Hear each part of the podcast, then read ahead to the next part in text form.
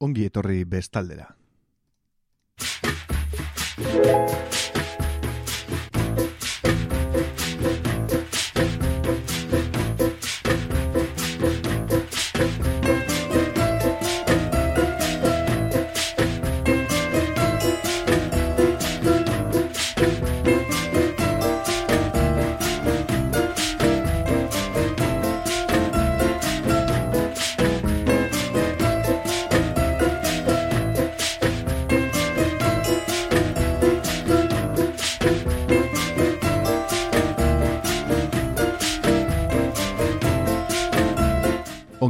Entzuleok eh, bestaldera, Jonolano Carlos nauzue eta itxialdian nago segurazki zu bezala.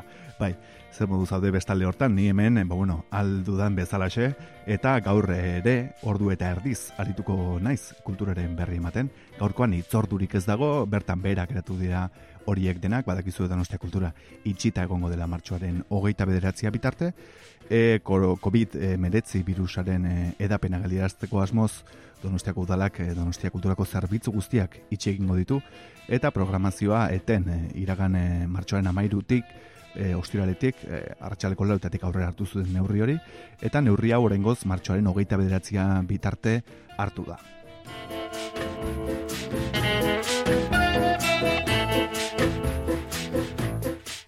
Bertan berak eratu diren emanaldi batzuk errepasatzen ari gara e, hemen atzo izan genuen Tinder Sticks eta Diego Basaioren e, musika hain zuzen ere asteburuan e, bertan berak eratu ziren bi ekitaldi eta gaur segituko dugu baina kulturak ez dauka etenik eta bestelako kontuak ere izango ditugu gaur hemen bestaldean.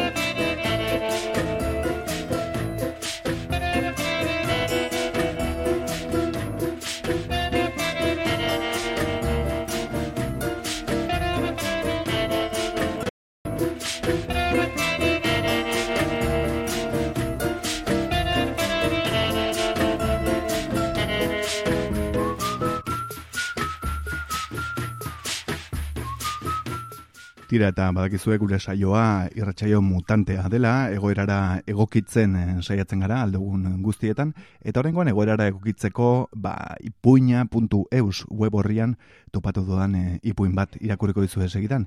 Izena du ipuin mos, postmoderno bat egin diot neure buruari, eta egilea da hasier etxiberria zena. Karramarroaren aztarnak liburuan ateratzuen mila batzion da larogita amazazpian.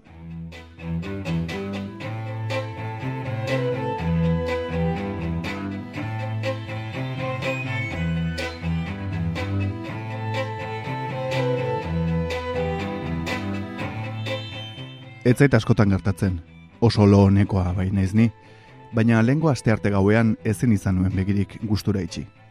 Gau ere egin nahi dudan bezala, aspaldi egon behar nuen lotan.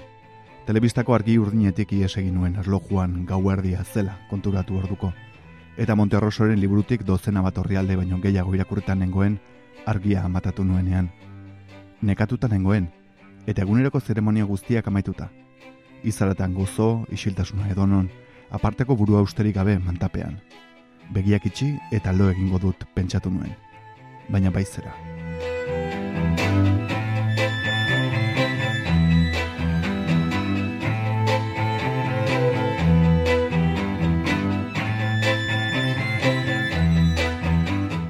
Telefonoa jo zuen gauaren erdian, eta okarrena deiura etzela niretzakoa. Nestor de Jour otek nintzen galdegin zidaten frantsesez eta biztan denez ez ez esanien. Ni ez naizela Nestor de Jour. Pardon, monsieur, esan zidaten gero eta monsieur ere ez nintzela esateren ninduanean, klik egin zuen telefonoaren beste aldeak.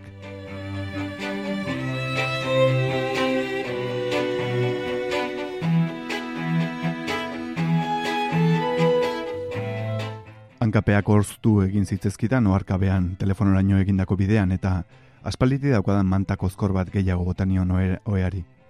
Armairutik aterata. Begiak itxi eta lotara jarri nintzen, beraz, berriro.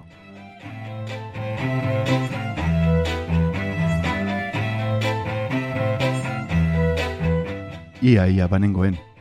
Morfeo maitea, zoin eger, ire erreinu hau, nioen neurekiko mantape hartako epeletan gozatuz, baina bapatean, Morfeoren orpegian olako zen pentsatzen jarri nintzen.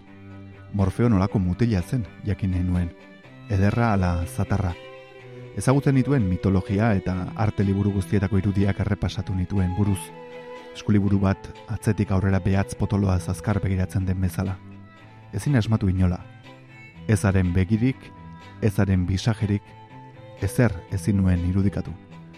Ez nuen morfeoren gaia erabili izan duen artistarik gogora ekarri.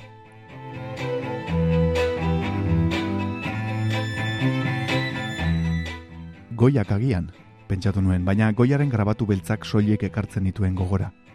Kezkatu ninduen horrek. Nola zitekeen morfeo bezalako mito handi baten irudirik ez ezagutzea? Lo egin behar nuen ez, ez nio garrantzi gehiagorik eman nahi izan nire ezintasunari. Zeharra jo, labana ere ez dagoela bilbon bururatu eta gehiago ezertan ez pentsatzea erabaki nuen. Ez eta morfeo beltza ala zuria hote zen ere, ilekizkurra edo burusoia zen ere, ez hitzaidan asola niri.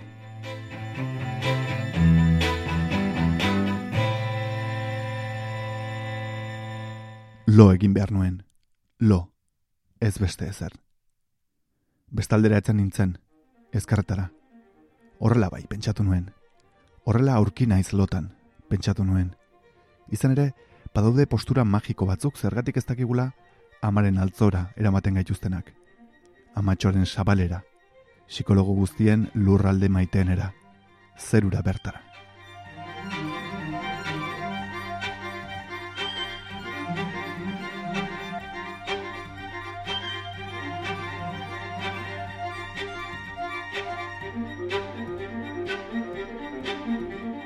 Amatxoren sabelean nintzen beraz supituan, baina nola hartzen noten nuen arnasa amaren sabeleko uraietan. Zer usain ote zegoen pusika erraldoiaren barrenean. Nola entzuten ote ziren kanpoko hotxak. Eta nire aitak amari gona gorria ekartzen zionean, nola ote zen anbarrutik? Izer ditan itotzen hasi nintzen, hainbeste galderarekin eta lehioa zabaltzera abiatutakoan, ilargi mehe bat ikusi nuen zeruan, inori kasu, kasurik egiten etziola auzoko zakurrak eta katu guztiak lo zaudela begitan du zitzaidan, era batekoa baitzen isiltasuna.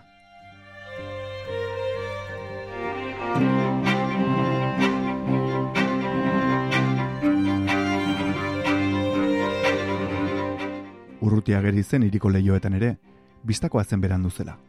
Eundaka leioetatik iruzpalautan soilek ikusten zen argia. Okinak seguru pentsatu nuen, edo tabernariak, Ez nekien joaten edo etortzen ari ziren argiaietako biztanle apurrak, baina seguru nekiena zen, haiek ez zirela ni bezalako, ni bezala, goizeko zortzietan jaiki beharreko bulegariak. Oean sartu nintzen berriro, eta gozo hartu nituen beste behin ere hango arropeak.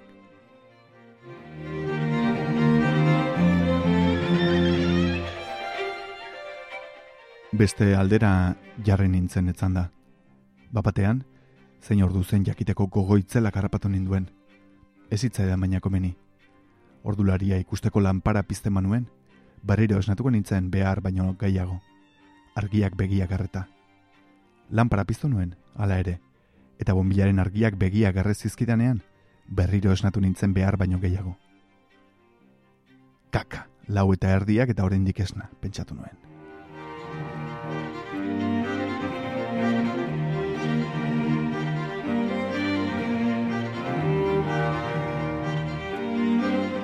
Lanpara matatu eta gerora ere, ponbilaren argiak jarraitu egiten zuen nire betazalen azpian karramarro baten antzera etxetxita.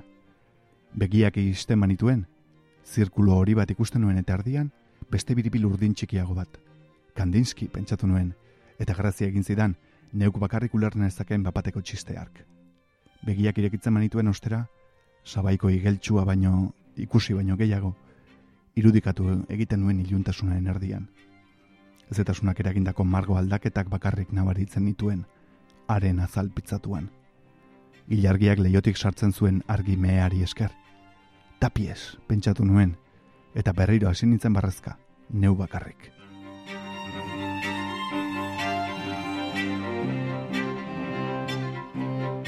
Ura etzen ganora. Ala jarraituz gero, ez nuen sekula lorik hartuko. Iratzargailuak bere ala joko zuen eta orduan izango ziren kontuak. Orduan gau guztian pentsamendu txoroen artean ibili izanaren damuak. Lo egin behar nuen, zela ala.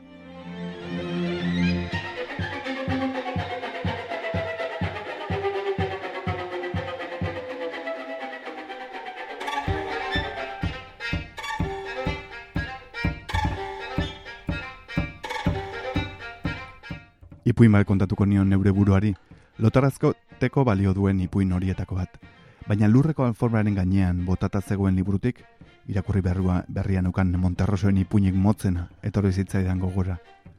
Italo Kalbinok beti aipatzen du bere antologia guztietan. Sekula idatzi den ipuinik motz eta biribilena dela dio berak. Esnatu zenean, dinosauruak antxe jarretzen zuen. Kito, hori da dena. Hasi eta buka biak eta dena lerro berean. Nik ez dut ipuin hori sekula osotasunen ulertu ahal izan. Eta erabateko ipuina ote den ere zalantza daukat, baina kalbino kala badio, bedi. Dena dela, uizeko postak ez dira unerik onena lan horretan hasteko.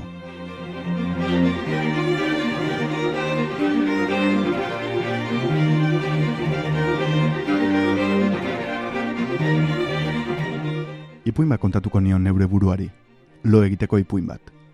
Protagonistaren izena baneukan gainera, Nestor de Jour dituko zen, telefonokoa bezala. Eta Belgiarra jaiotzez. Biolina jotzen zuen miarritzeko kasinoko orkestran. Lo egiteko interesgarriagoa iruditu zitzaidan biolin jole bat asmatzea, trompetari edo danborero bat baino. Saxofo joleari izan ziteken, baina Nestorrek biolina jotzen zuela erabaki nuen. Zer nolako itxura zeukan ere bere ala erabaki nuen. Txiki xamarra zen, eta guztiz argila, argala, Nestor de Joug.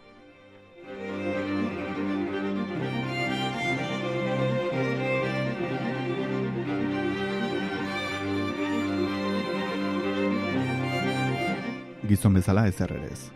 Betarrekoak ere biltzen zituen gainera eta buru soile zen. Traje iluna handi xamarki erortzen zitzaion sorbaletan behera. Biolina, belarri azpian hartzen zuen bakoitzean, alkandora zuria praken gainetek irten da ikusten zitzaion esmokinaren azpian krudelegia nintzela jabetu nintzen. Bide horretatik segitzen manuen, lo egin beharrean, damutzen hasiko nintzen nire puñako protagonista hain txarto tratatzeagatik. Eta sentimendu oker horrek, horrek, berorrek, etzidan lo lasai egiten lagako. Nestor de Jug, etzen beraz, txikia eta nainarra izango. Ez eta biolin jolea ere. Etzegoen miarritzen eta etzen belgikarra. Lionko sukaldaria zen. Berrogi urteko gizon garaua, galeparrak prestatzen ari zen aparteko bezero batentzat, perigordetik ekarretako trufen saltxatan. Berri zarnetu nintzen, ezinezkoa zen goizeko bost eta ardietan, sukaldari bat galeparrak prestatzen egotea. Are gutiago, Lionen.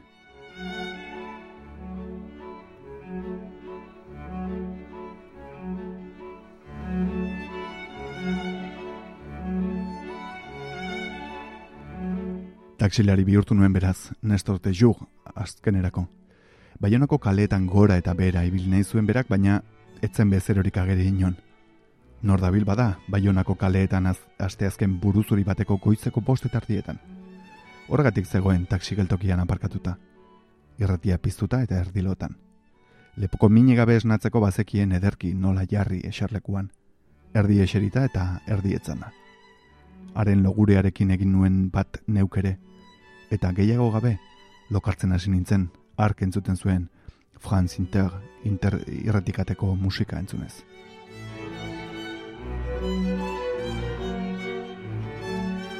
Taxi, galetu zuen baina emakumeatek leioaren bestalean. Oui, madame, erantzun zion Nestorrek erdiloaren horretzetatik. Mademoiselle, si buple, erregutu zion, bere etzela Andre alegia, anderino baizik.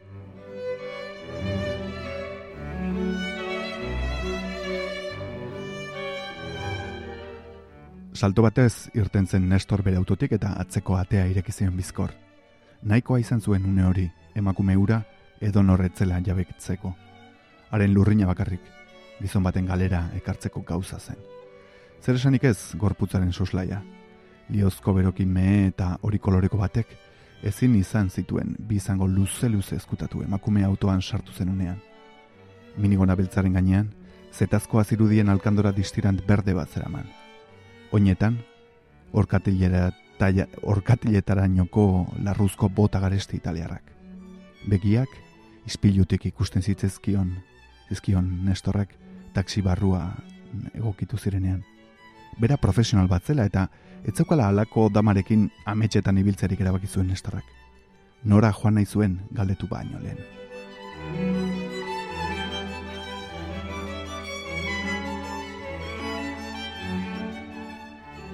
Endaiaran zartzeko agindu zion emakumeak eta ara heldutakoan esango ziola berak zein helbidetara joan behar zuen. Etzela oso erraza baina bazekiela bidea. Ezagutzen zuela etxea, alegia. Eta esango ziola nondik nora ibili. Nestorrak etzekien zer zen egokiena. Izketan hasi, irratia ala kasetea jarri. Izketan nola abiatu baina. Eta irratia edo kasetea jartzekotan, zein musika, ote zuen gogoko mis mundu ark. Jaz pixka bat, Jack Brel edo le, legita mitzuko band agian, ez bat eta ez beste. Ez ere ez. Ez jartzea eta isilik eratzea erabakizuen Nestorrek asko pentsatu eta gero. Musika pikin bat, ez ote zeukan galdetu galegin zion orduan emakumeak. Berdin zitzaiola zer, baina zer nahi zela hobea gau epelartan, Renaultaren motoro txabaino. Jartzeko irratia edo kasetea favorez. Michael Jacksonen azkena jarri zuen Nestorrek. Bere alabak utzi zion bezperan. Entzuna eta ikusiko duzu, esan ez. Zer egin behar du maitea, entzun ala ikusi? Erantzun zion berak, baina labari etzion grazia handirik egin aitaren txisteak.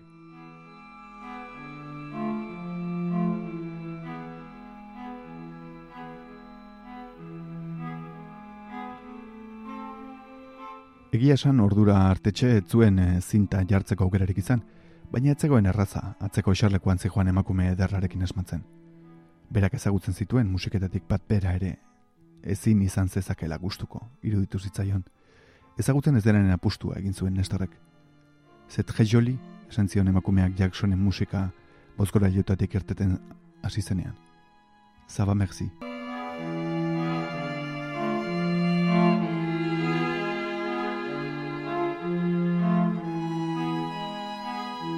Bingo, pentsatu eta irribarre batek egin zion argi Nestorri horpegian. Atzera begira hasi zen berriro espilutik konfiantza baino gehiago konplizitate hitzaiek entzundakoan. Emakume ark, gaua ez amaitzeko gogoa zeukala zirudien eta zein oberik nestor bera baino horretarako. Naizuena, naizuen lekuan, naizuen bezala egingo zion berak emakumeari. Ezin da horrelako aukerari galdu.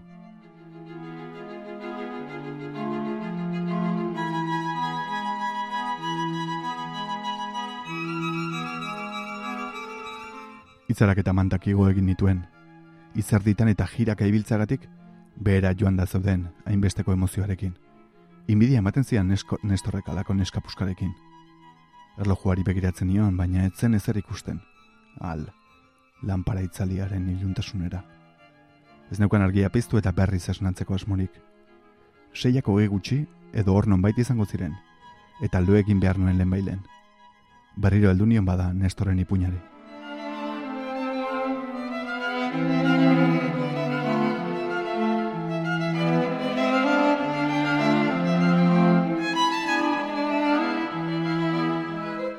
Itxas bazterreko errepidetik joateko eskatu zion emakumeak. Etzoko la presa handirik eta alakoetan beti izaten dela ederrena biderelik luzena. Ez azkar gitatzeko mesedez, joateko gozo eta bare, eguraldia bera bezala. Zer esan asmatu ezin da jarraitzen zuen nestorrek. Izpilutik emakumearen aurpegia lehiarretan itxatxita ikusten zuen. Argitzen hasitako itxaso berrian zeuzkan bibegiak. Ezin zen jakin, ordu haietan, oheratu gabe ala jaiki berria otezen emakumea. Aurpegia hain zuen eder. Eguraldia, pentsatu zuen nestorrek. Eguraldiaz, hitz egingo diot.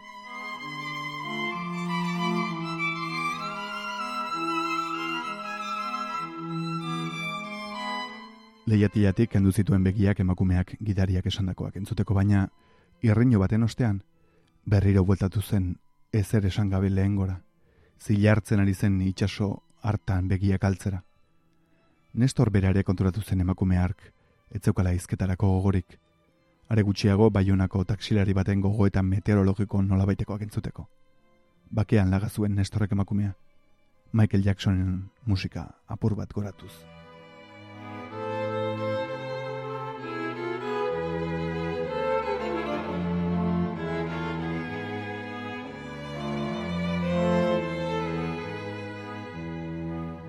Emakume hauek beti berdin pentsatu zuen.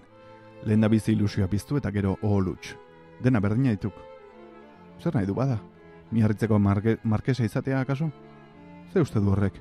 Taksilari guztia galela Robert Redford?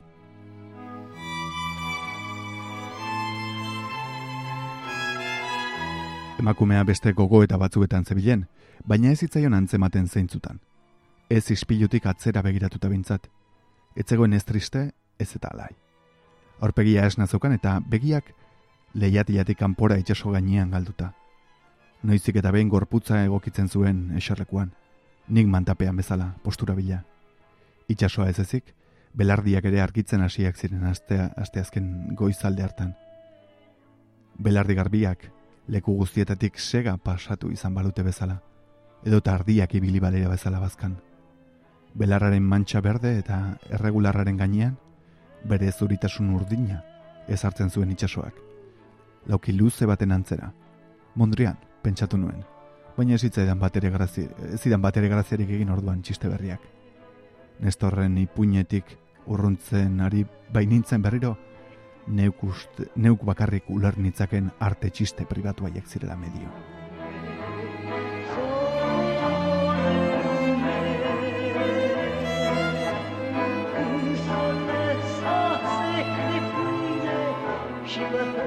Toni Bane eta ziburu atzean lagata, sokoako ondartzaren pareraino ekarri nuen, biderek ibili gabe taksia. Nahi nezakena egin nezakenik, neuretzat asmatzen niar duen ipuñarekin. Eta taksia, sokoaraino eraman nahi banuen, eraman eta kitxo. Foro fogux batean gerarazi nuen emakume lerden atzeraman taksia. Uni batez, Nestorrek urrundu egin zituen pentsamenduak atzeko emakumearen gandik. Absurdua zen, guztiz absurdua zebrabide bat babesteko zegoenan, argi gorri alferrikako ura, gauaren erdian piztuta. Hala baina, inoretze bilen ordu haietan sokoako zebrabideak gurutzatzeko esperoan. Itxaron egin nuen, egin zuen ala ere nestorrek, maiz agertzen direla eta inguru hartan poliziak. Absurdua, errepikatu zion behin eta berriz bere buruari. Alferrikakoa.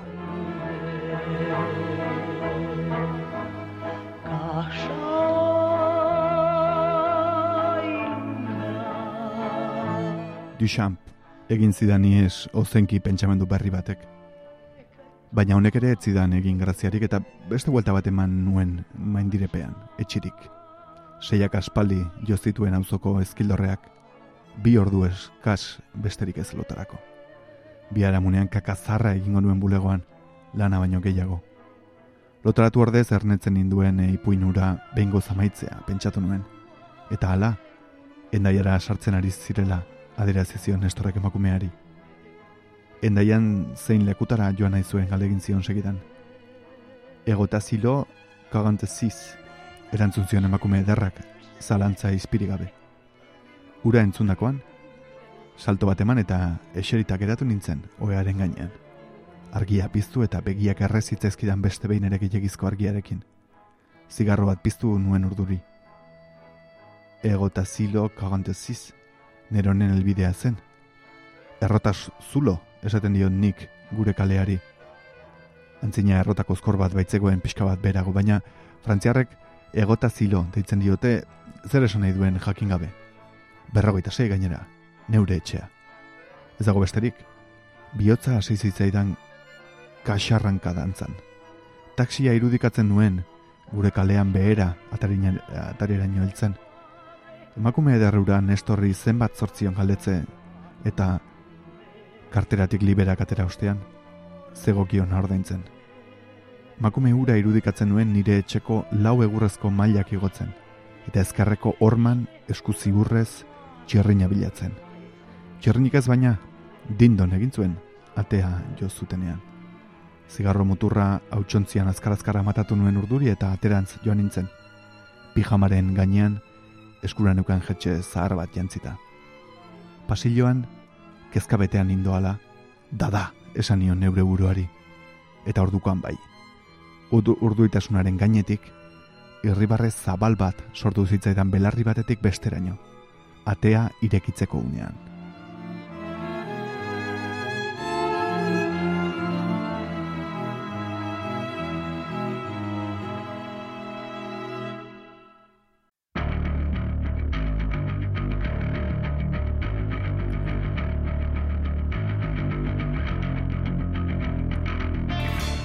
Ipuin postmoderno bat egin diot neure buruari. Ala izena zuen e, entzumarri dugun ipuinak. Hasiera etxeberrian lumatik ateratzen karramarroaren aztarnak albuman ateratzen markatu bilduman ateratzen mila batzeun dara logita mazazpian Horen entzuten ari garen albuma e, da hemen eren zugea daude lier talearen eskutik eta doinuak izan du larrua eta ireña. Ez zuzen martxoaren hogeian dabadaban eritzekoak ziren baina bertan bera geratu da kontzertu hori ere. Larrua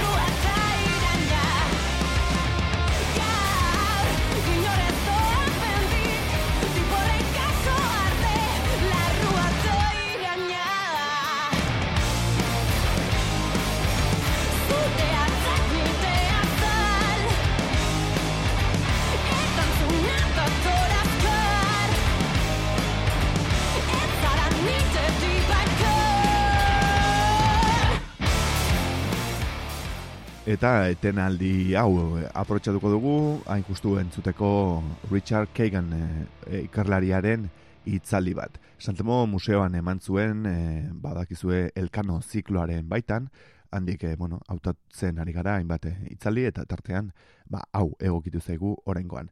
Ar, e, Santemo museoan 2000 emeretziko apirilaren bian egin zuen Richard Kaganek, e, eta e, ordu beteko iraupena du gutxi gara bera.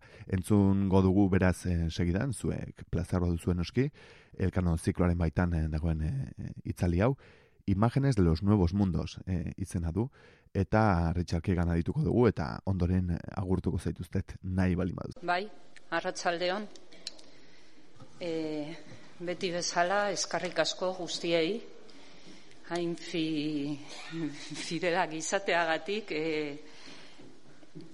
itzaldi hauetan eta eskerrak eman nahi, nahi diot Richard Kagan gaur hemen izateagatik gurekin bere bidaia Madrilera aprobetsatzen eta bueno, placer bat izan da berarekin egotia eta ziurazki disfrutatuko duzue bere itzaldiarekin. Richard Kagan, a quien quiero eh, agradecer su presencia hoy aquí, también a su mujer, que está aquí en la primera fila, Mariana, eh, que hemos podido aprovechar un viaje de ellos eh, para poder contar con su presencia hoy aquí en esta conferencia. Él es doctor por la Universidad de Cambridge y actualmente está vinculado a la Universidad John Hopkins de Baltimore en Estados Unidos eh, como catedrático emérito de Historia Moderna. Eh, ha recibido diversas distinciones, pero por destacar alguna, ha recibido la Orden del Comendador de, de Isabel la Católica y además es miembro y suena un poco, creo. Es miembro de la, bueno, académico correspondiente de la Real Academia de la Historia de Madrid. Está especializado, sobre todo, en, historia de Europa moderna eh, y su interés siempre ha sido fundamentalmente en la España de los Austrias y todo su imperio de ultramar.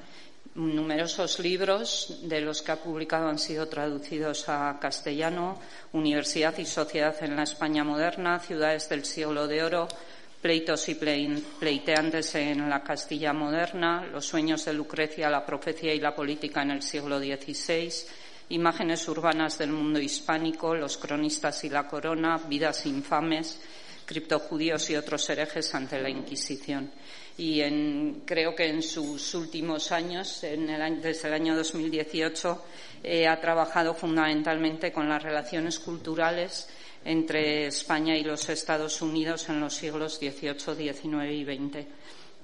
El resumen de la charla que hoy va a dar, que como veis el título es En torno de Magallanes, imágenes de los nuevos mundos, eh, está claro que, la circunnavegación de Magallanes y Elcano propició una serie de mapas, de cartas marítimas, de globos terrestres, pero también al mismo tiempo estos viajes llamaron especialmente la atención por aquellas gentes que poblaban estas zonas cálidas y tropicales del mundo.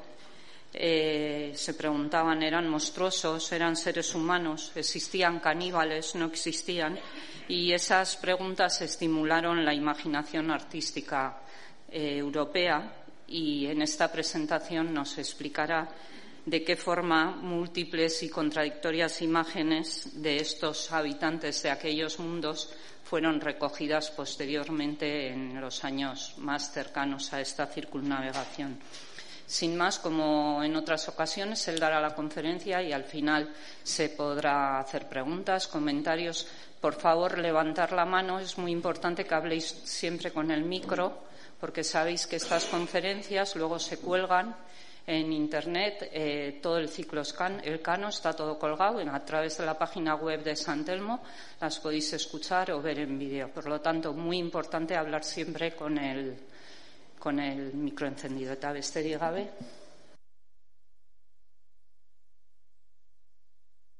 No, todavía. Ahora. Ahora, lo siento que no hablo euskera. Entonces voy a hablar en mi castellano pobre. Pero antes de todo quiero agradecer eh, Susana Soto, la directora del Museo San Telmo, a Garay y todo su equipo para la invitación a estar aquí en Donostia, San Sebastián, y estar en esta casa. Y hemos tenido un tour, tanto del museo hoy como el, el acuario a, la vez, todo en un día, un día magnífico para, para Mariana, mi esposa, y, y, yo. Entonces, este, voy a leerlo, tengo un texto, no voy a hacerlo a la estilo español. Entonces, hace cinco siglos, en la tierra de Valladolid, el, el 22 de marzo de 1518, el joven rey Carlos I o Carlos V firmó una capitulación con dos portugueses, Fernando Magallanes y Rui Fallero, para emprender un viaje marítimo, navegando hacia el oeste, hacia, es decir, un tipo de viaje de descubrimiento por la mar del sur. Por razones de seguridad los términos de esta capitulación no proporcionaban muchos detalles geográficos, pero sabemos que el destino principal era las Islas Molucas, un archipiélago famoso por sus especias y ubicado según el rey, es decir, Carlos V, dentro de los límites de nuestra demarcación.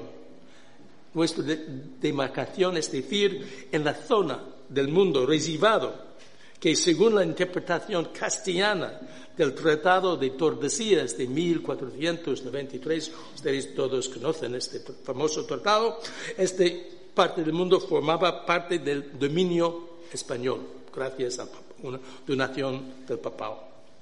En el momento en que Magallanes falleron y el rey y varios consejeros firmaran la capitulación, el único de los firmantes que tenía experiencia directa y personal de aquellas islas era el propio Magallanes. Navegando bajo bandera portuguesa, ha visitado las Molucas unos diez años antes y tenía, podemos, podemos imaginar, una memoria visual de aquellas islas, así como de la gente que las poblaban. Pero, ¿cuál era? ¿Cuál era la imagen, imagen de aquellas islas compartidas por Carlos V y sus, sus consejeros? La respuesta a esta pregunta no está muy clara.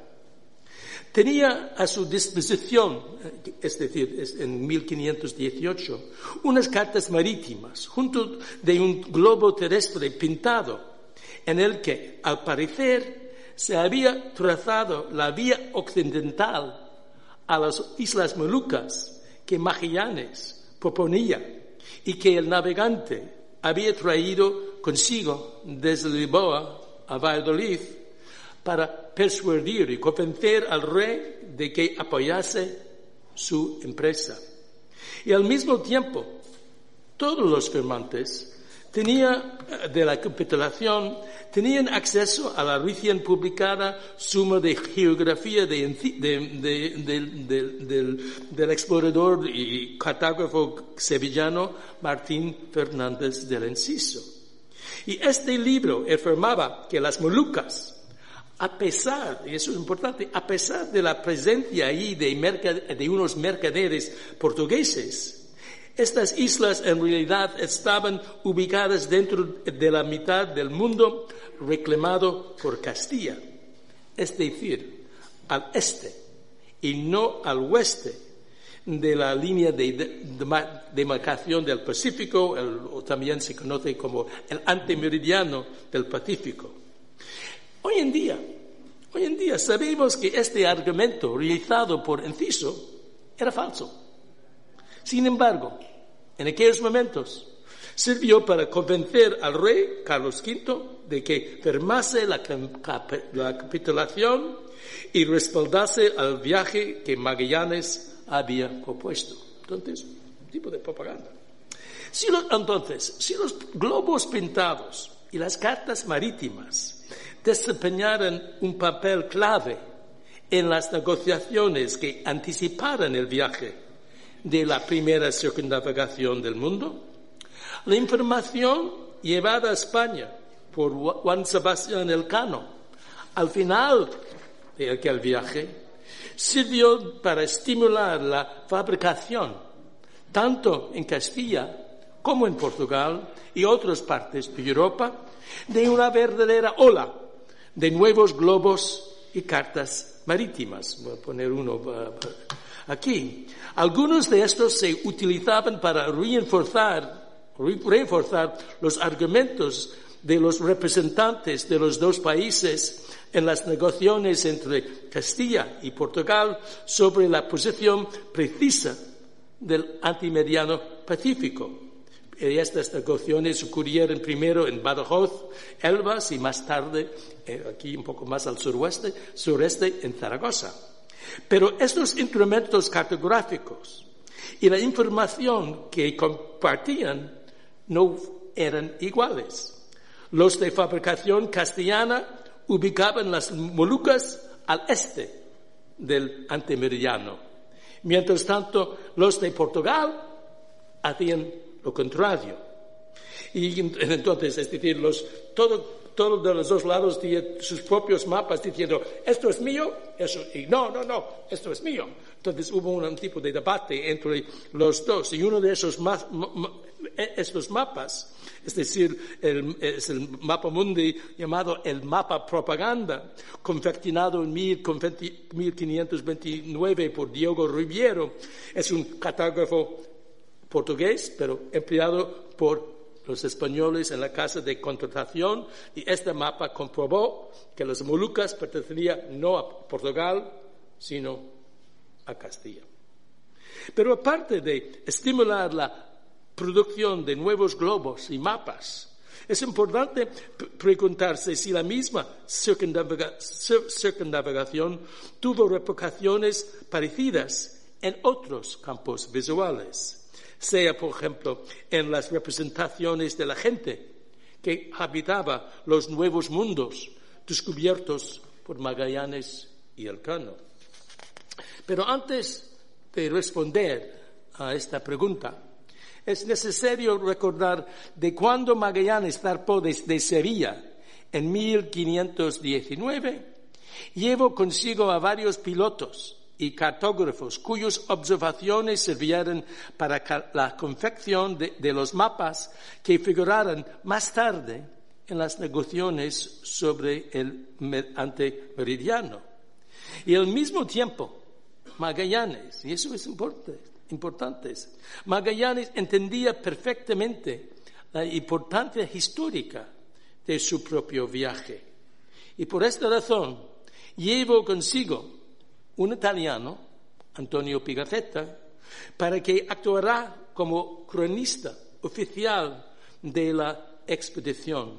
Y voy a saltar una imagen para uh, ir a este, la portada de, del libro de Pigafetta. Pigafetta, de este modo, al volver a Europa, Pigafetta, Pigafetta escribió su relación sobre viaje en torno al globo, obra editado en manera incompleta por la primera vez, eh, y lo hizo en francés, en el año 1525. Entonces, es una crónica oficial de viaje, un reconocimiento de la importancia histórica del viaje realizado por los dos grandes navegantes. Pero frente al interés de Magallanes por obtener registros cartográficos históricos de su expedición, Parece que no embarcó a un artista, o por lo menos alguien capaz de crear un registro visual de su empresa. Esta falta, por lo menos para nosotros, es lamentable y para los museos también. Eh, pero nada, por el momento, nada excepcional. Ni Colón, por ejemplo, ni Vasco de Gama, portugués, iban acompañados por artistas en sus grandes viajes. Ocurrió lo mismo con las otras grandes empresas de la época. Hernán Cortés en México o Nueva España, por ejemplo. Los hermanos Pizarro a Perú. Hernando de Soto a la, Florida.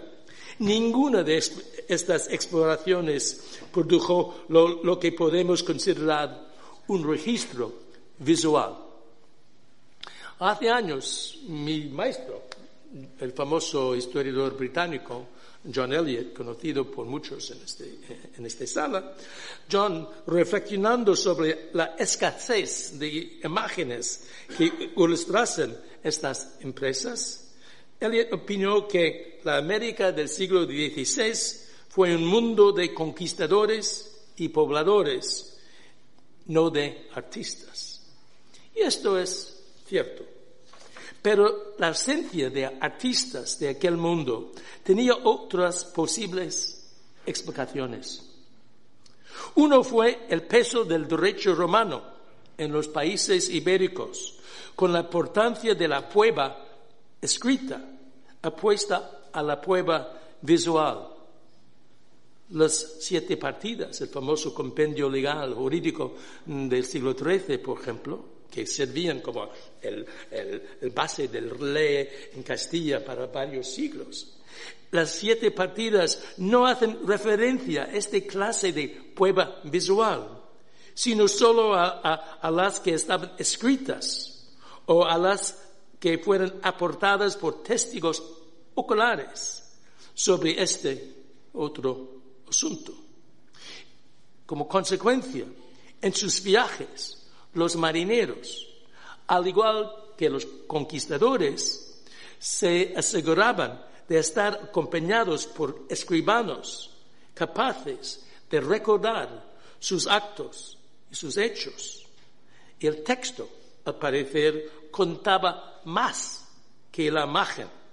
Y este hecho ayuda a explicar por qué el italiano Giovanni Battista Romusio, cuando publicó su gran libro sobre las navegaciones y viajes al Nuevo Mundo en el año 1556, es decir, unos 30 años después del viaje Magallanes-Alcano, Rumusio se lamentó de la escasez de, representaciones gráficas, figuri en su idioma, en su lenguaje, la escasez de, de figuri de la flora y la fauna y también de los nativos americanos.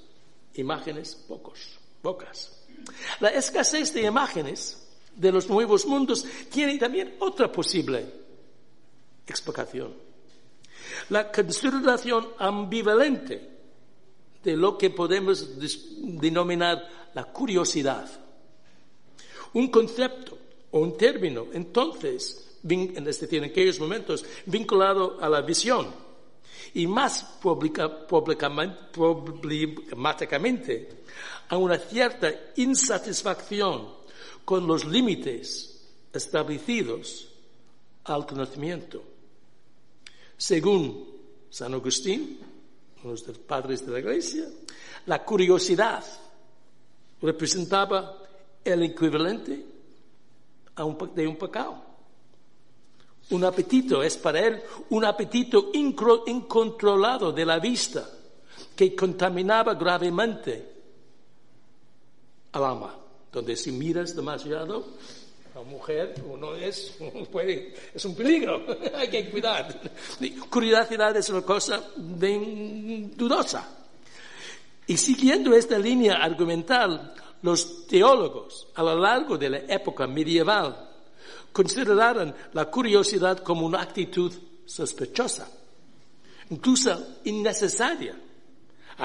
y aún en el siglo XVI hubo filósofos como el famoso español, eh, valenciano Juan Luis Vives, que compartió esta misma idea.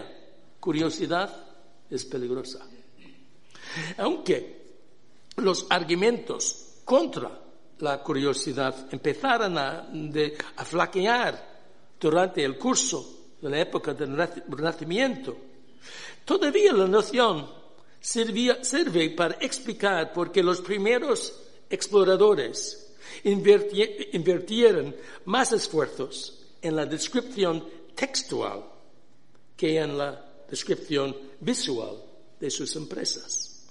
Por otra parte, las noticias de sus empresas y los reportajes sobre las maravillas de que Colón y otros exploradores encontraban en sus viajes sirvieron, sirvieron como catalizadores que con el paso del tiempo propiciaron un nuevo y un nuevo y marcado respeto por la curiosidad, junto con un creciente interés en la representación visual de las nuevas tierras en, el proceso de su descubrimiento.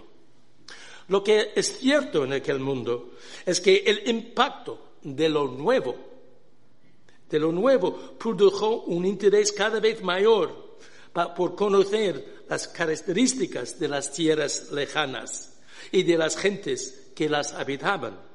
Un interés que la, que la descripción verbal era incapaz de satisfacer. A favorecer esta tendencia contribuyeron unos cambios tecnológicos en la industria de la imprenta. Uno fue la silografía, una técnica que facilitó la fabricación de imágenes impresas. Y los impresores de la época no vacilaron en adaptar en adaptar al propósito de sacar importantes beneficios económicos de la creciente demanda del público por ver, por ver imágenes de estas, estas nuevas tierras. Leer no era suficiente. Ellos quisieron, es decir, el público leyente si le decíais, hey, queremos ver algo también. ¿Ver qué? Se puede apreciar esta evolución en la importancia de la prueba visual en las obras de un cronista de la época, Gonzalo Fernández de Oviedo, uno de los primeros autores dedicados a la descripción de la naturaleza americana sobre la, base de su propia experiencia en el Caribe. Su propia experiencia en, el siglo XVI es el, él estuvo un testigo ocular, primer, de primer mano. La palabra es autopsia. Es decir, entonces él, yo lo vi. En vez de decir que estoy pasando mi información sobre una maraña de leyendas y relatos de segundo mano. Así se puede ver algo de su desarrollo, de, sus ideas visuales a lo largo de unas décadas. Su primer libro de naturaleza fue este, el Samario de la Natural Historia de las Indias, impreso en el año 1526.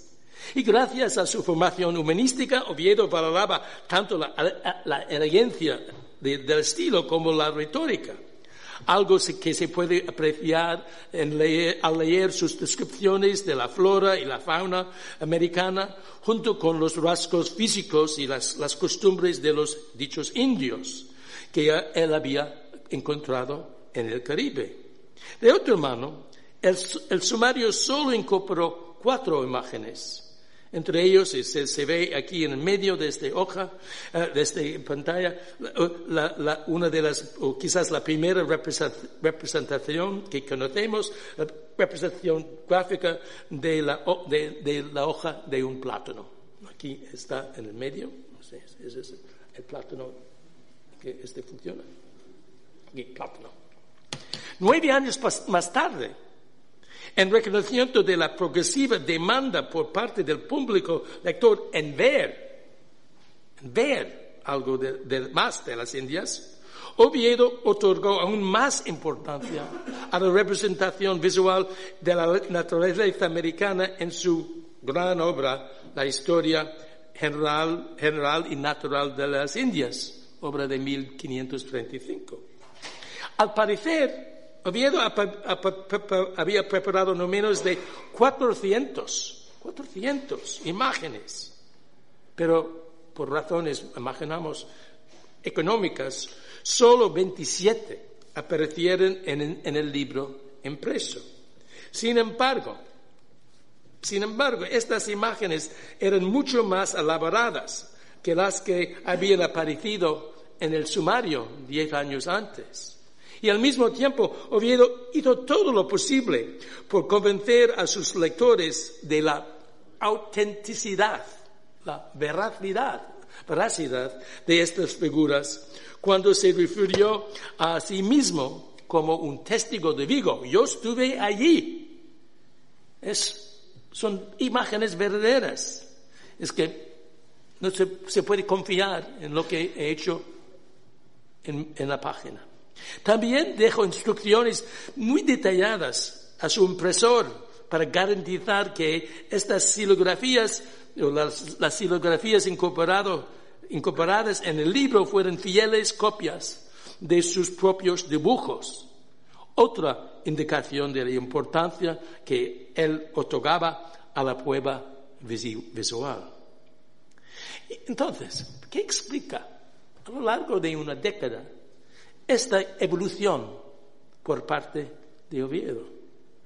Un cambio filosófico que le permitía separarse de los, de los peligros tradicionalmente vinculados a la, a la curiosidad y la visión. Quizás. También ambición, su deseo de estar premiado por Carlos V con el importante cargo de cronista real. Este también probablemente influyó su, su decisión de incorporar más imágenes en el libro. Pero al final, pobre Oviedo, este oficio de, cronista se le escapó. Pero empezando en 1522, cuando Oviedo se embarcó, se embarcó en, en, escribir la, la, natural y general historia, lo consideró como si fuera una obra de propaganda visual Así Oviedo hizo todo lo posible, todo lo posible, y esta tarea incluyó uh, nuevas representaciones de la naturaleza americana, hizo todo lo posible para proporcionar a, a sus lectores un mejor entendimiento de la importancia de los nuevos mundos bajo el dominio del emperador. Todo esto y más pertenece a mi Señor Carlos V. En todo eso una cosa es cierta. En el mismo momento en que Oviedo realizaba su propio giro visual, otros, otros europeos lo estaban haciendo lo mismo. entre, entre, los primeros figuraron dos hermanos franceses, los Parmentier, Jean y Raoul, miembros importantes de la Escuela de Navegación y Cartografía ubicada en el puerto normanda de Dieppe, noroeste de, noroeste de Francia. En el año 1529, antes de embarcarse para una expedición a la isla de Sumatra, es decir, en las Indias ah, ah, Orientales, los hermanos Parmentier enrolaron a un cierto Monsieur Jean llamado Le Peintre el, pintor. Hasta ahora, ninguna obra de este pintor ha sido identificado con certeza, pero es posible atribuir a este personaje algo misterioso, el mapa de Java y Sumatra, obra en la que incluye unas representaciones de los habitantes de, de estas islas y incorporado en un atlas manuscrito del viaje actualmente conservado en Londres y se, llama el, Atlas d'Escalier, y ve hay unos señores así, con un, figura que es obviamente una representación del diablo, como si fuera un dios. Pero si la expedición de los Parmentier quizás fuera la primera en incorporar a alguien que, con, que se puede llamar pintor, no fue sin duda la última. Más bien estableció este viaje un precedente un precedente que veremos en unos minutos, otros navegantes quisieran copiar. Pero a los principios de, de aquellas, es decir, en los años 30 y 40 del siglo XVI, pocas fueron las, las expediciones que están documentadas visualmente por testigos de, de vista, es decir, por pintores. Pero a pesar de la ausencia de artistas en estas expediciones, como ocurrió en el caso de la, de Magallanes del Cano, las relaciones textuales producidas por estos viajes conseguían estimular la imaginación artística europea en varias maneras. Caso ejemplar es la famosa carta a San Ángel, escrito por Colón después de su primer viaje transatlántico. Estableció un precedente, el precedente. En esta carta, Colón se aprovechó de la atosía, estar ahí presente, para dotar de similitud a sus descubrimientos en las islas del Caribe. Entonces estuve allí. Y según él, los habitantes de estas islas, los taínos, iban desnudos, tenían cuerpos bien formados, no monstruosos, eran tímidos, de buen trato, y se mostraban dispuestos a, abrazar el cristianismo. Y esta descripción sirvió como punto de partida para el dibujante europeo responsable de la primera imagen que tenemos de los habitantes del Nuevo Mundo, es decir, la primera imagen europea. Esta pequeña silografía, incluido en la obra de Insula Hispalis, eh, impresa en, en Basilia en 1493. Ahí está, pero a base de texto, no de, no de presencia física. A pesar de su novedad, esta imagen, bastante positiva, de los habitantes del Nuevo Mundo, duró poco y muy poco. Según la tradición clásica y medieval, los habitantes de las zonas tropicales y cálidas eran, por razones climáticas, necesariamente bárbaros y en algunos casos también monstruosos. Y una, imagen de los habitantes de las zonas tórridas que, se difundió en, eh, eh, eh, en varias obras, particularmente el libro de viajes escrito por, por o, compilado por John Mondeville en, a, finales del siglo XIV. Entonces, como este señor, se, ah, en, en las zonas tropicales del mundo. Hay, hay gente con solamente un gran pie, los skiapodes. Hay, hay, otras personas con un solo ojo, los ciclopedes, otros con cabeza de perro y otros que, que, cuyas caras estaban en el pecho. Y también Mandeville había advertido de la presencia en estas mismas zonas cálidas de los dichos antropofagi, es decir, canibales animales.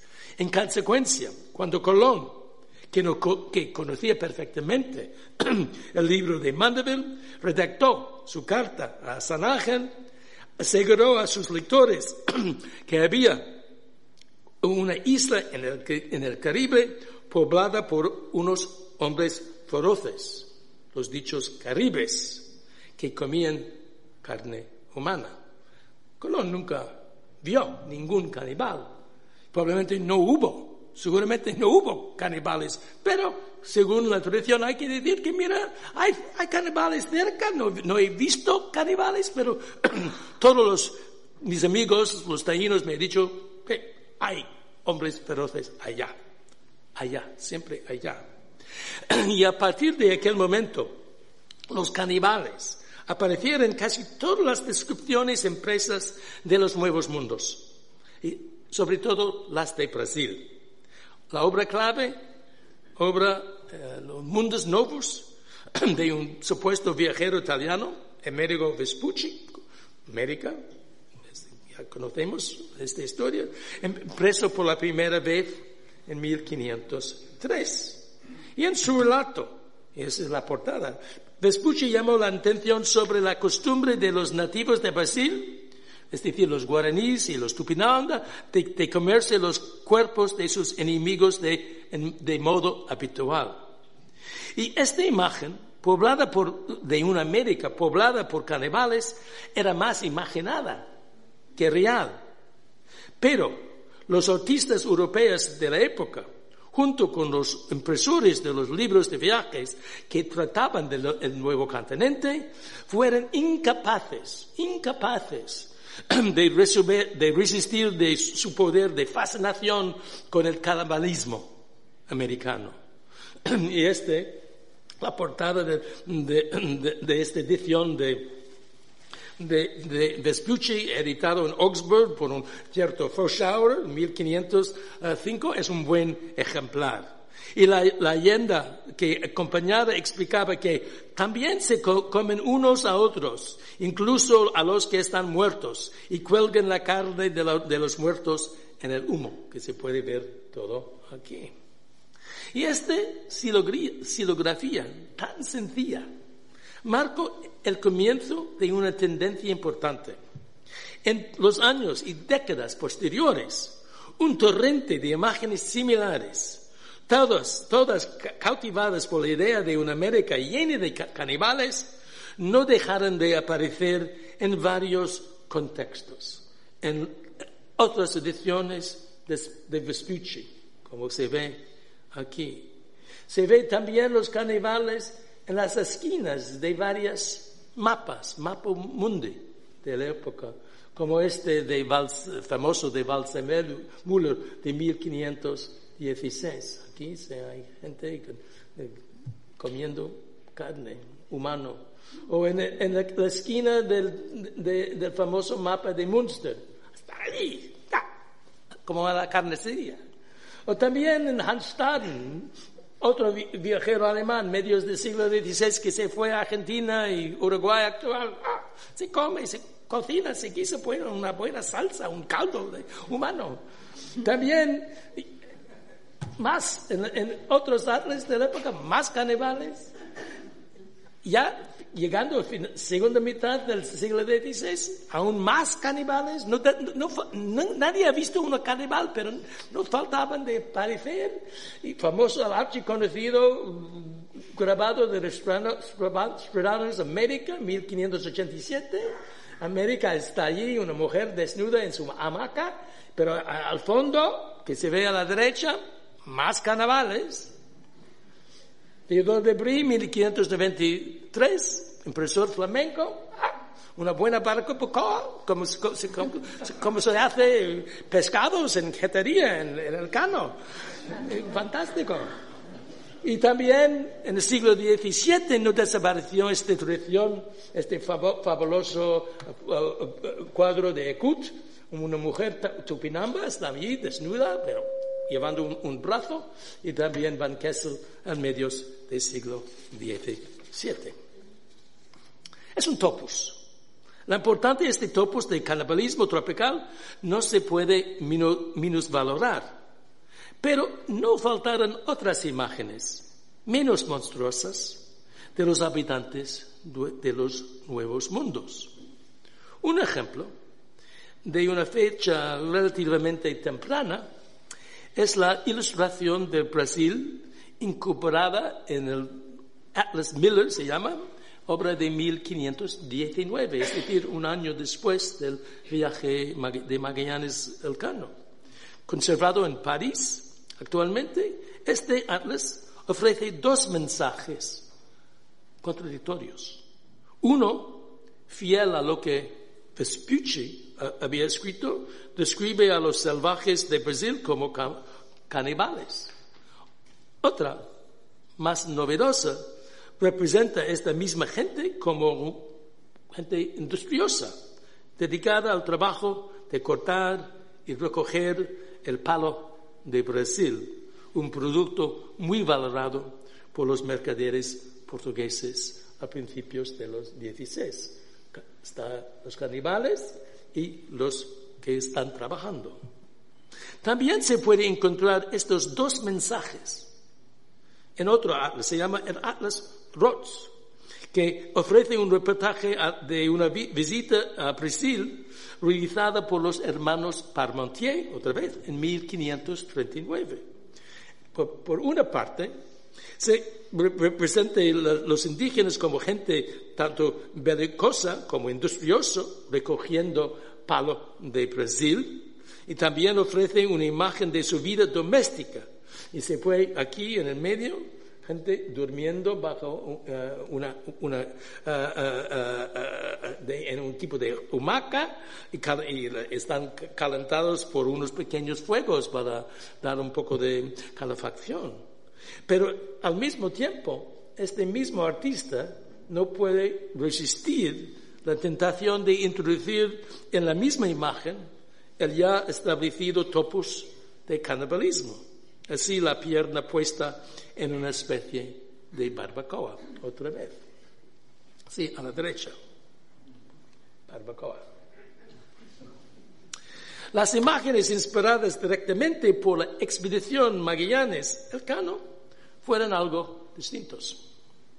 Aparte de la relación de la expedición escrita por Pigafetta, existe otra de Maximilianus Transylvanus, el que eh, eh, en su capacidad de secretario del rey Carlos V tuvo la buena fortuna de estar en Valladolid en 1523, cuando el cano llegó para informar al monarca sobre el viaje.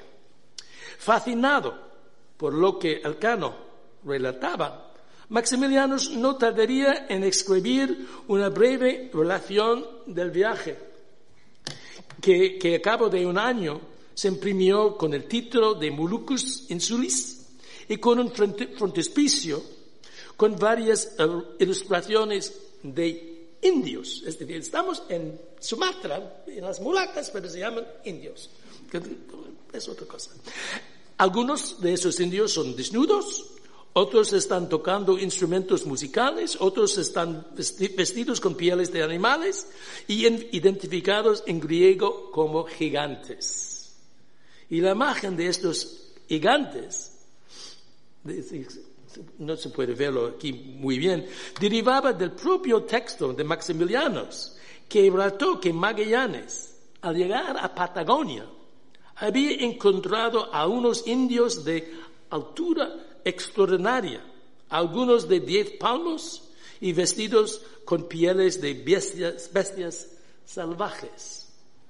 Y en los años siguientes, esta imagen de los gigantes de Patagonia ganó tracción gracias al apoyo de Pigafetta, cuya relación de la relación de Magallanes y Acano, como he dicho antes, llegó a la imprenta por la primera vez en 1525 y estuvo reeditada en varias ediciones y finalmente en completo en medios de los años 50 por el, este italiano Ramusio. Pigafetta, en su relación, en su crónica oficial más o menos, refirió también a los gigantes de Patagonia, identificando a uno como un canibal otro como un, hombre bien proporcionado, y ambos dos, dos veces más altos que los europeos y vestidos con pieles de animales. animales. Y esta descripción verbal sirvió de inspirar a, a varias representaciones gráficas de este mismo gigante. Entre ellas este que apareció en el Gran Mapa Mundi, confeccionado en torno de 1544 por Sebastián Caboto en Sevilla, el, quien él, eh, si se ve el, gigante aquí, uh, perdón, y el gigante está allí, pero él en vez de vestir eh, el gigante en, en eh, pieles de animales, se le vistió en tipo de bata uh, colorida como se puede comprar en el corte inglés. Es, interesante. Y, en otros mapas, este mismo gigante parece, también, que es de este mapa mundo, el, el, gigante está allí, aquí está ahí, siempre en Patagonia. Es como el gigante de Alta, aquí en País Vasco. Este, este señor no, quiso desaparecer y también lo, encontró el, mismo gigante ahí en este atlas de cierto texto. Entonces, en cuanto a las, de las Islas Molucas, la, la, trayectoria de las representaciones de los habitantes seguía otro itinerario. Al principio del siglo XVI, las primeras fueron imágenes de un carácter estereotípico. Así los artistas, a cambiar, eh, los artistas o vestían los hombres llevando el mismo falda, de, tipo de falda de plumas, asociadas con los indígenas de Brasil. Es decir, los de Brasil siempre, los indios fueron, los hombres fueron vestidos en faldas hechas de plumas. Entonces, ah, están indianizando los habitantes de los Molucas poniendo las mismas faldas. Fueron indios, no fueron gente de, las, de las Molucas. O en otros casos se les presentaban desnudos. También, como en, como en América, otro desnudez era en el siglo XVI un símbolo de bestialidad. Algo más auténticos fueron las imágenes atribuidas a Pigafetta, el que aparte de ofrecer una descripción verbal de los habitantes de aquellas, islas, preparó unos pequeños mapas. Uno de la isla de Borneo, que, incorporó unas chozas, y otro mapa de las islas de los ladrones, que incluyó el esbozo de una canoa, se llama una, aguaina, se llama es decir, este tipo de, no sé, es en, en, castellano, canoa con dos partes, uh, para estabilizarlo, no sé la palabra. Outrigger canoe en inglés. Más detalles de este carácter etnográfico figuraban en varios compendios cartográficos vinculados a la expedición de Sumatra y Molacas, realizado por los hermanos Parmentier en el año 1529. Y se puede ver algunos de esos en el dicho Atlas Velar del 1547 y este se ve de Java ofrece una, uh, una, uh, una representación de una procesión con un cacique y unas chozas elevadas hechas de madera y hojas de palmera. Entonces es una imagen bien se puede decir etnográfico, más fiel a la realidad que representar caníbales o gente vestido en, plumas, en, faldas de pluma. Y más tarde, otras, otras estas mismas chozas eh, aparecen en otra Atlas del Roth de 1048. Y más tarde, otras imágenes de los habitantes de la misma región aparecen en esta obra. Eh, eh, aquí estamos en Tesú. Hombres vestidos más o menos como europeos o en, vestidos más bien verdaderos, se puede decir. Entonces ya están separándose del mundo de, América, representando a gente como, como son. Aunque también no, no falta de desaparecer representaciones de estos señores desnudos. Pero al llegar a la segunda mitad del siglo XVI, existía todavía esta este ambivalencia ¿Son desnudos esta gente? Lo otro es verdaderamente un otro o es algo más parecido a nosotros. Entonces, tenemos estos dos, desde doble imagen, una cierta ambivalencia. Pero a lo largo del tiempo, poco a poco, vino a aparecer cada vez más imágenes más representativas, más etnográficas de los habitantes de los nuevos mundos. Algo que se puede apreciar de las representaciones de los indígenas de América, eh, incluido en, un famoso atlas, se llama el Atlas Drake, de Francisco Drake, el, el corsario en inglés, que está conservado en Nueva York. O también se puede encontrarlo eh, eh, en, eh, esta imagen de los indios de Virginia, realizado por John White, un artista que acompañó a Sir Walter Raleigh en sus viajes a América del Norte a los finales del siglo XVI. Entonces, estamos empezando a entender el otro como el otro fue si, se puede decir. Y estos fueron eh, impresos por la primera vez por uh, Debris en, el año 1593. En cuanto a las tierras halladas por Magallanes y Elcano, este mismo tipo de imágenes aparecieron por la primera vez en algo que se llama el Codex Casatenense, 1889 obra de un artista está conservado en la Biblioteca Casatenense en, en, Roma. Es una obra de un artista anónimo, probablemente portugués, y fechada en medios, no, estamos seguros, medios del siglo XVI. Y, al parecer están estas imágenes utilizadas al vivo, es decir, por un, por un testigo ocular. Y los dibujos de este códice están orientados principalmente a Persia y a la India, pero hay otros que representaban a los habitantes de Java y las Islas Molacas, los cuales no aparecían nunca como gente monstruosos ni canibales, como se puede ver aquí. Quizás tengo un otro también. De carácter parecido son las ilustraciones insertas en otro códice manuscrito, se llama el Codex Boxer. Y no estoy hablando de, de Sleepsy, que se llama Boxer. El nombre viene de Charles Boxer, que era un, historiador británico.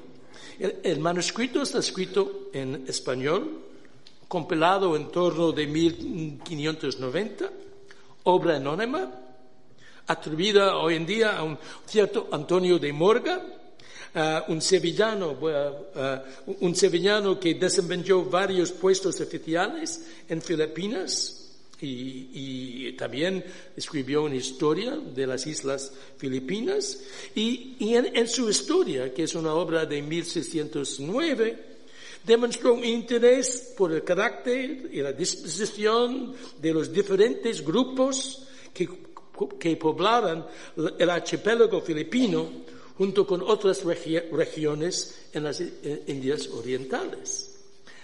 Y este, entonces, y este mismo espíritu etnográfico, etnográfico caracteriza tanto el texto como las imágenes, 75 en total, incorporadas en el Codex Boxer, una obra que ofrece un catálogo sorprendentemente detallado y objetivos de los costumbres, ritos y ceremonias de los diversos eh, grupos de, de gentes que Magallanes y Elcano encontraban en aquella región.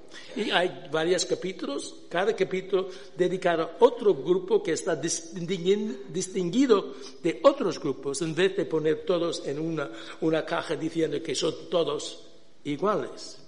Entonces, e, e, es sorprendente. Entonces, eso es la portada voy a dejar mi texto para decir un poco que sí, es que dice que hemos llegado allí uh, y en un caravela, en un barco, y lo, los indígenas llegaban a, a, comerciar con nosotros. Entonces es la, la, quizás la imagen más llamativa de todo el, el códex. Y después empezó a decir, mira, hay varios grupos, hay varios tribus que poblaban los, los filipinos y, y, no son todos iguales. Hay unos, hay unos gente de, de, parece nobles o reyes y otros gente más, más ordinario, común, como en el caso de los, los. Y así se, puede ver el, indumentaria de estos tágalos perfectamente en esta obra. Y también hay otros grupos, las cayaganes, los negrillos, y lo que llamaban los moros filipinos, y llamaban moros filipinos, no fueron exactamente moros, pero no, no comían uh, carne uh, uh, porcina y de, de, de, cerdo, y por ah, son están como los morros, entonces vamos a llamarles morros. O también hay también otros grupos, los naturales, un hombre de Javo y otro de Borné. Y hay también los vizcayas que están pintando sus cuerpos.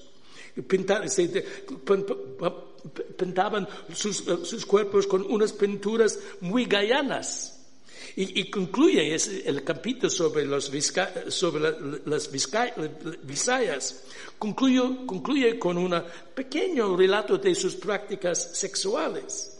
Entre ellas, el uso por parte de los hombres de unos redojas o sortijas que se ponen en el miembro genital. Algo que, según el autor, produce gran delectación entre las mujeres.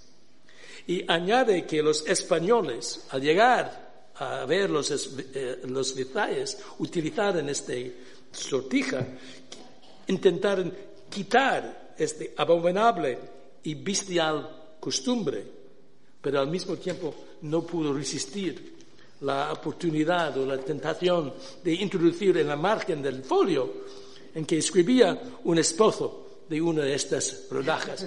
No quiero probarlo y, mi mujer no nos vamos a ir. Es peligroso.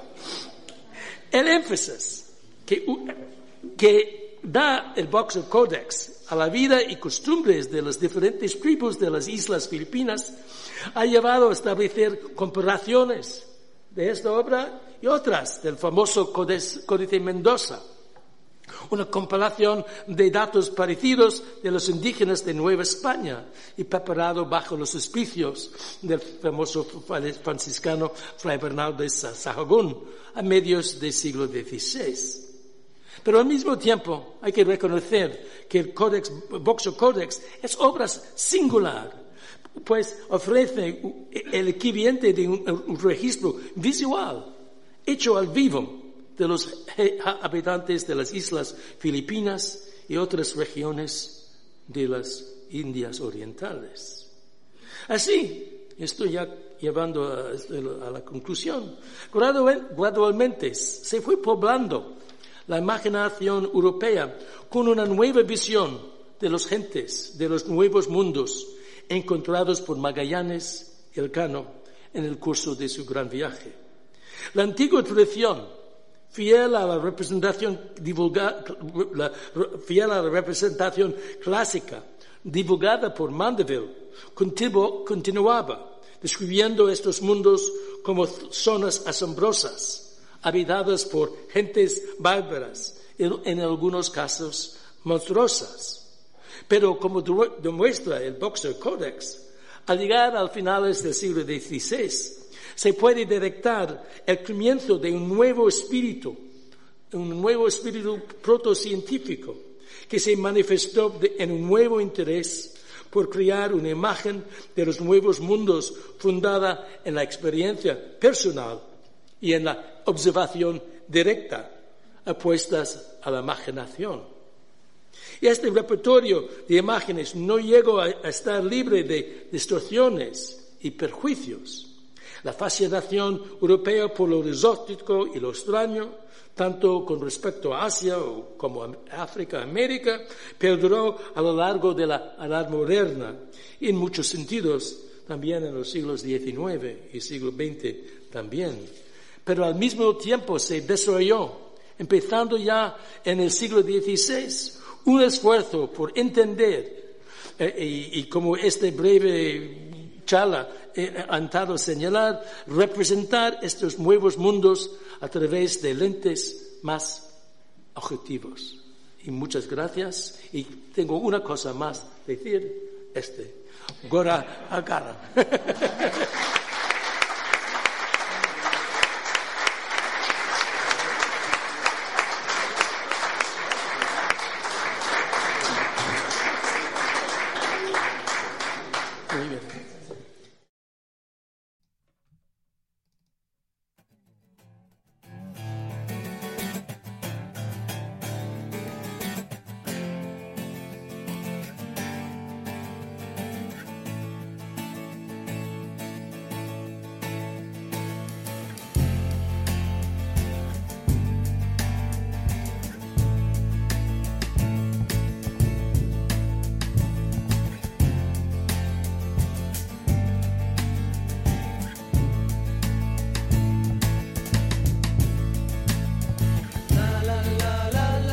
Eta erizegu gaurko saioa gurtzeko tenorea, amairu garna doinuarekin, asierola garen kantuzka tarba albumetik, egunero oidugun bezala noski.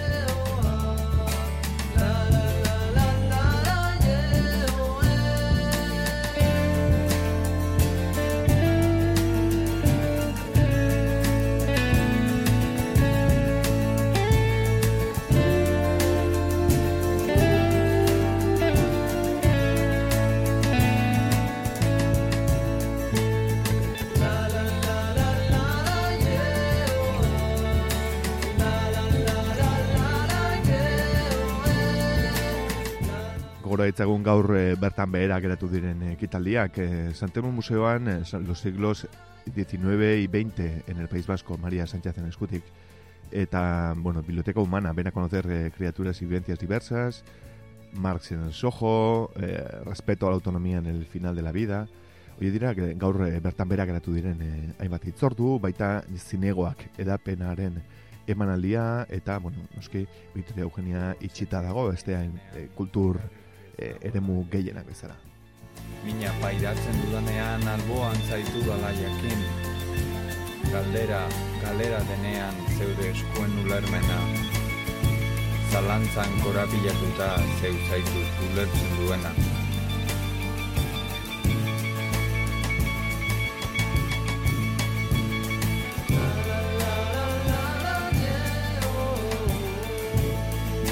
Biarkoan saio beretzi bat ekarriko dugu, aipatuko ditugu noski e, itzorduak ere, baina liburu bat ekarriko dugu. Itzena airea izena du, gotzo barandiaranek e, idatzi zuen, eta ikusiko dugu euskal idazle eta musikaren artean izan zen e, harremana eta ez bakarrik e, bueno, aztertu baita entzun ere bertan agertzen diren hainbat e, kantu. Benetan liburu liburuska e, txikia baita interesgarria eta saiatuko gara horri zuko aderatzen.